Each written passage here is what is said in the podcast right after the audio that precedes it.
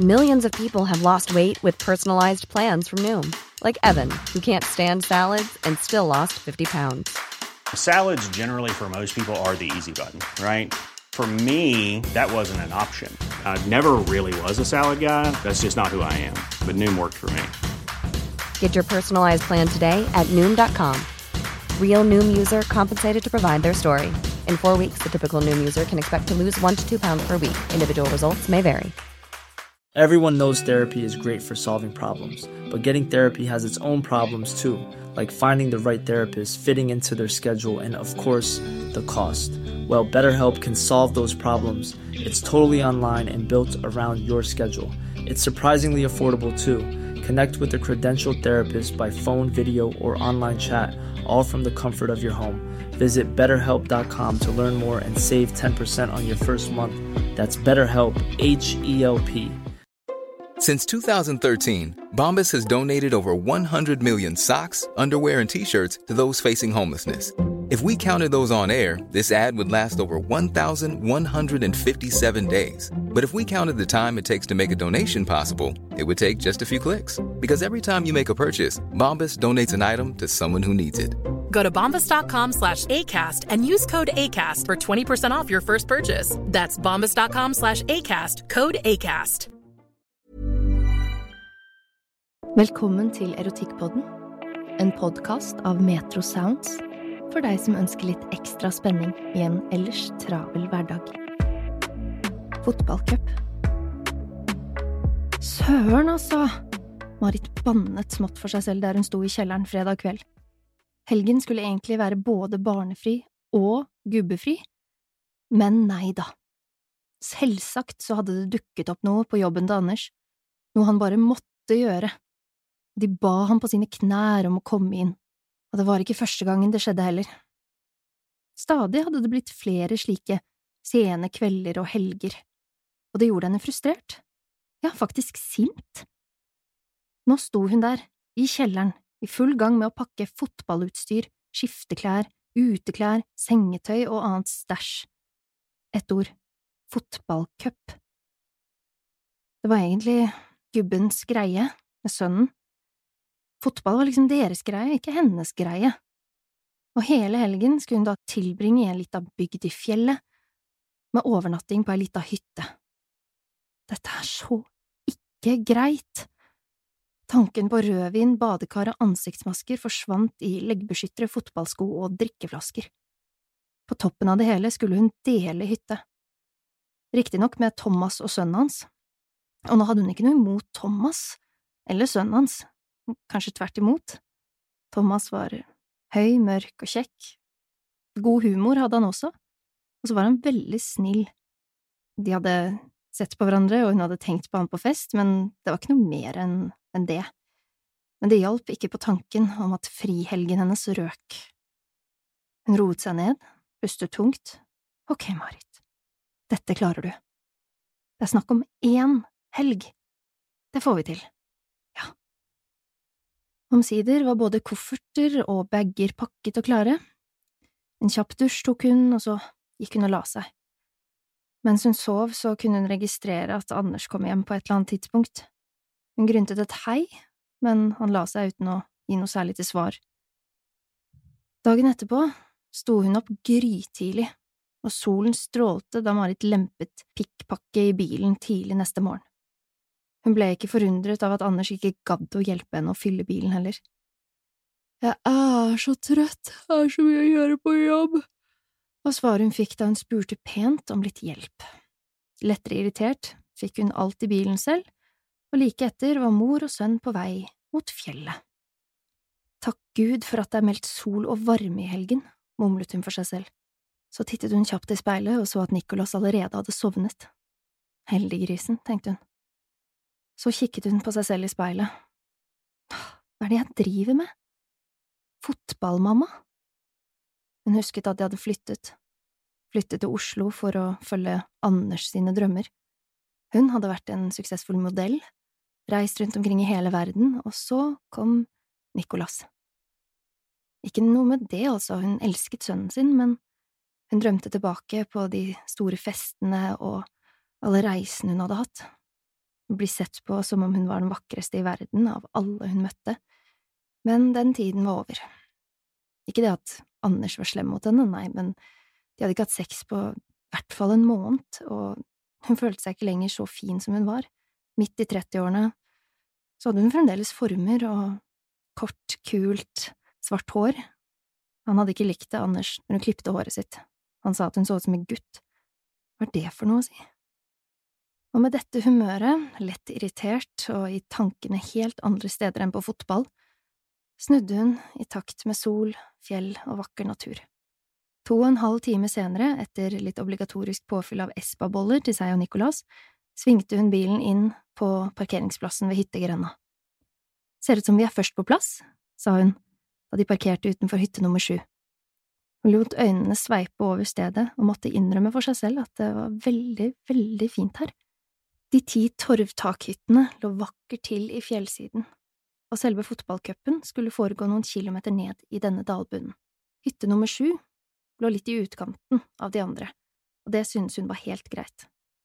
Kanskje jeg slipper å bråvåkne av at unger roper på mammaene sine og et eller annet leven, smilte hun for seg selv da hun begynte å bære inn.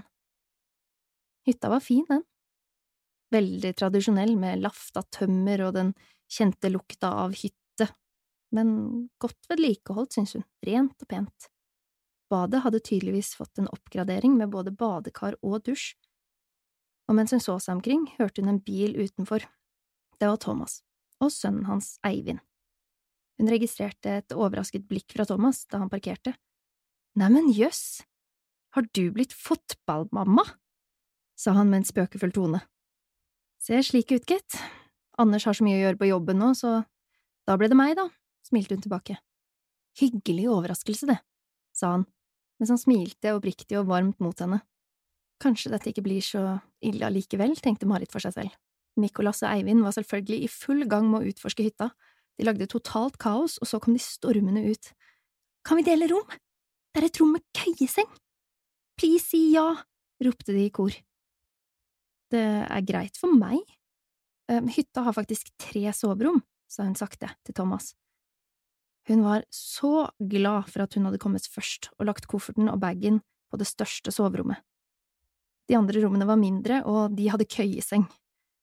Jo, det er greit det, gutter, sa Thomas før han lo og begynte å bære inn. Så var de alle installert. Marit merket at både sola, varmen og fjelluften ga henne en, en ro og en god følelse i kroppen. Det hadde hun ikke forventet i det hele tatt. Hun hadde forventet at hun bare hadde lyst til å dra hjem. Og de neste timene så de nesten ikke ungene i det hele tatt, der de sprang mellom hyttene og ut på tunet, og det var faktisk godt å komme ut av huset, merket hun. Kampene startet ikke før på ettermiddagen, og nå nøt de en kaffe i solveggen. Ikke kunne hun klage på selskapet heller. Thomas var både høflig og oppmerksom, Praten gikk lettere enn hun hadde kunnet forestille seg, og han hadde på seg en, en beige kakishorts og blå T-skjorte som ikke gjorde henne noe som helst heller. Han ser utrolig godt ut, tok hun seg å tenke. Og selv om det bare var midt i juni, hadde han allerede fått farge. Han var tydeligvis glad i å være ute. Store, velstelte hender, la hun merke til også. Selv hadde hun en behagelig joggebukse og topp. Det var ikke stor grunn til å pynte seg her, for å si det sånn. Eller i hvert fall så hadde hun tenkt det. Men der satt hun og skulle ønske at hun hadde hatt på seg noe litt mer elegant, mens de pratet om alt fra jobb og familie til hverdagslivets opp- og nedturer. Og mens de pratet, så kunne hun kjenne at foten hans hvilte lett mot sin egen. Burde hun… Hun lot den bli der. Hun kunne faktisk kjenne varmen fra ham, duften av svak parfyme. Hans parfyme. Hun pustet tungt og lukket øynene i noen sekunder. Nøt følelsen av at sola stekte mot ansiktet og brystet, og nøt det gode selskapet. Da hun åpnet øynene, møtte de plutselig hans, og sekundene tikket av gårde. Han smilte. Hun smilte tilbake. Øynene hans glitret i sola, men ingen av dem sa noe, og ingen trengte å si noe hadde hun kjent Thomas i fire år allerede, siden sønnene deres hadde begynt på samme fotballag. De hadde aldri vekslet et ord før. Men her satt de og hadde delt alle livets opp- og nedturer, tanker, følelser, minner, og det var noe ved ham hun ikke kunne helt sette fingeren på. Hun hadde alltid syntes han var attraktiv, og måten han hadde sett på henne på noen ganger, hadde tilsagt at han hadde følt det samme om henne, men, men hun skulle ikke trekke noen slutninger. Alt dette tenkte hun mens hun så inn i de øynene. Så ble stillheten brutt av at to ivrige unger kom springende for å meddele at de måtte kjøres ned i dalen for å spille sin første kamp. Hun fikk hvisket takk for praten til Thomas, før de begge måtte hive seg over påkledningen og logistikken. Det ble tre seire av tre mulige på gutta, og kampen ble grundig oppsummert da de kom tilbake på hytta. Begge hadde skåret også, og foreldrene var veldig, veldig stolte. Marit hadde til og med tatt seg selv i å bli engasjert på sidelinjen, med både heiarop og klapping, noe hun aldri hadde sett for seg at hun kunne gjøre. Dette var faktisk veldig gøy, tenkte hun, og lo og tullet med guttene mens de lagde middag. Alle sammen bidro til at middagen ble veldig god og veldig hyggelig. Guttene var så gira, og mens de pusset tennene, gikk de gjennom de beste klippene fra kampen. Så du da jeg gjorde sånn, mamma? Pappa, så du da jeg driblet han sånn, eller? Ja, ja, ja, sa Thomas og lo mens han tok oppvasken. Hun sto der og så på guttene leke og kikket bort på Thomas der han sto og vasket opp. Sånn skal en mann være, tenkte hun. Ta sin del av husarbeidet. Anders gjorde aldri det. Han sa at det var en kvinnes jobb å stå på kjøkkenet, og så sier han alltid at han tuller, men det gjorde han ikke. Mens hun sto der og tenkte, så Thomas på henne og sa, Går det bra med deg, eller? Er du sliten? Nei da, eh, jeg er ikke sliten, jeg bare, jeg bare tenkte på noe. Takk for at du vasker opp, forresten. Det er bare hyggelig, det. Man skal jo gjøre litt for laget, skal man ikke det? Jo, sa hun, og lo. Jeg tok forresten med en flaske vin, hvis du ikke har noe imot å dele den med meg, da. Har du med vin? sa hun. Ja. Åh, jeg glemte helt den flaska jeg hadde tenkt å ta med. Jeg skulle egentlig ha alenehelg, skjønner du. Men så endte det opp på fotballcup i stedet sa Thomas og fniste. Ja, jeg gjorde visst det. Ja, men da kan jo du bare ligge på sofaen og hvile deg, du, mens jeg tar og henger opp tøyet så lenge. Etter at hun hadde drukket sitt første glass med vin, sank Thomas ned ved siden av henne i sofaen. Skål, da, sa han, og takk for en veldig hyggelig dag. Der var det smilet hans igjen, det varme, imøtekommende, udømmende smilet. Takk det samme, svarte hun litt ør i hodet. Å, forresten, jeg skal bare ta meg en liten dusj, fortsatte hun. God plan, sa han, og øynene hans glimtet til da han sa det. Han er irriterende sexy, tenkte hun da hun steg inn på badet. Åh, jeg må slutte å tenke sånn, jeg er gift, jeg er lykkelig. Jeg er det, er jeg ikke det? Jo, jeg tror det. Anders er en fin fyr, og dette her er bare Thomas er bare… Han er bare… Ah, nei! Det dukket opp flere bilder i hodet hennes nå, og hun klarte ikke å stoppe det. Nakne kropper, hennes og hans, tette og intime. Det varme vannet omsluttet henne. Hun prøvde å vaske disse bildene ut av hodet. Vannet rant nedover henne, befølte henne, akkurat som han gjorde i tankene hennes. Lepper, hender, hud, Kjønn. Åh, hun var seksuelt frustrert, hun måtte ikke tenke sånn. Når hun kom hjem, så skulle hun kjøpe noe skikkelig fint undertøy, og så skulle hun overtale Anders til å… til å hva, egentlig? Hun lot hendene gli over brystene sine. Hun var opphisset nå, men det var ikke av tanken på Anders. Fingrene over magen, videre ned og mellom bena. En hånd støttet seg mot dusjveggen og og den andre lekte med seg selv. Jeg kan jo ikke, mumlet hun. Fingrene strøk over kjønnet, men jeg, jeg har lyst. Og jeg tror han også har det, hvis ikke jeg har lest signalene helt feil. Thomas hadde faktisk skilt seg, for uh, var det et halvt år siden? Det var jo ikke lenge, det. Hun klarte ikke å fokusere på annet nå. Hun skrudde av dusjen han var skilt, men det var ikke hun. Så knyttet hun et håndkle rundt seg og tok et dypt åndedrag. Skal, skal ikke, Det er nå eller aldri. Hun åpnet døra forsiktig. Nei, ikke gjør det. Ikke gjør det. Jo, gjør det. Hun tok sitt første skritt. Stua lå i halvmørket, og han kunne se han i sofaen, med mobilen i hånda og rødvinsglasset i det andre. Hun lot håndkleet falle til gulvet og tok sitt første skritt mot ham. Så så han opp. Hva han tenkte, ante hun ikke, men blikket hans gled over den nakne kroppen hennes.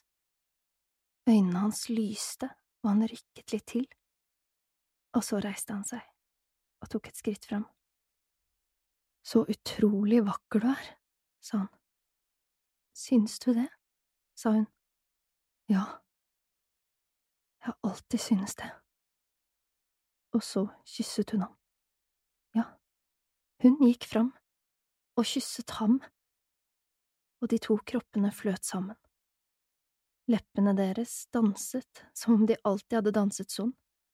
Det var ingen ord, og han slo armene rundt henne, og hun kjente varmen fra ham, og hjertet som slo hardere og hardere i begge bryst. Hun kjente hendene hans strøk over huden hennes, hender som utforsket, begjærlig, og kyssene ble dypere og mer intense. Hun grep tak i T-skjorta hans og dro den av ham, og så klemte hun seg inntil ham.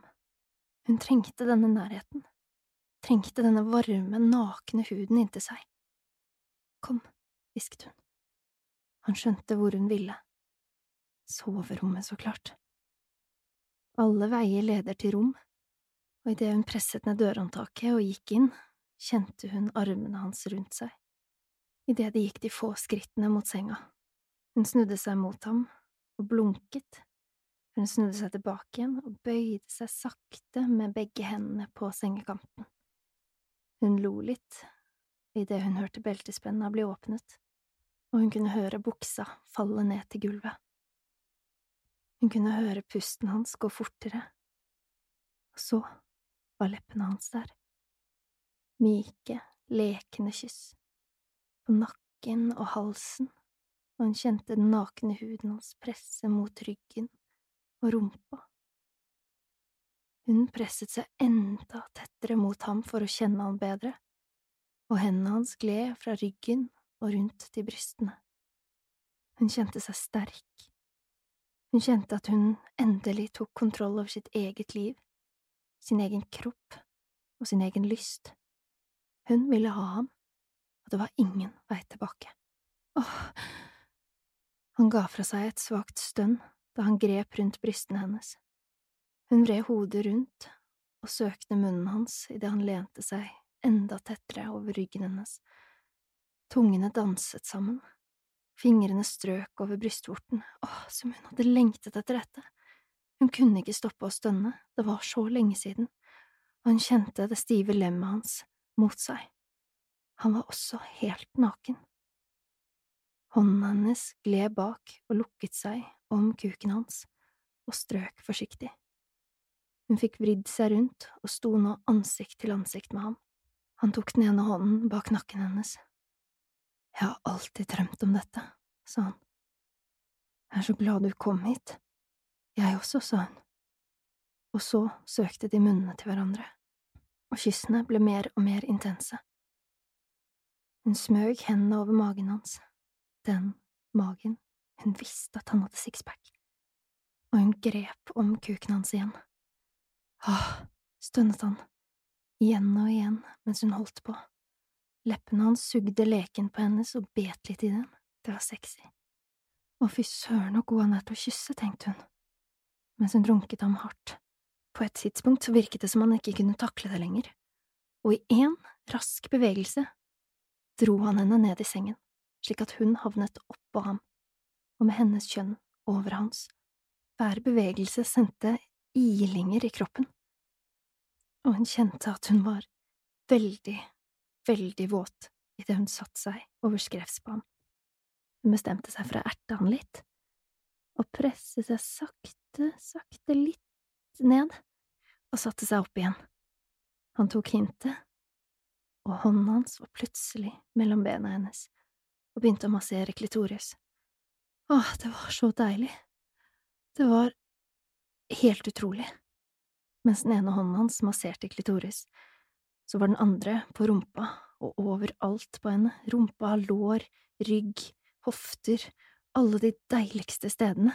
Hun stønnet og rykket til litt mens han holdt på.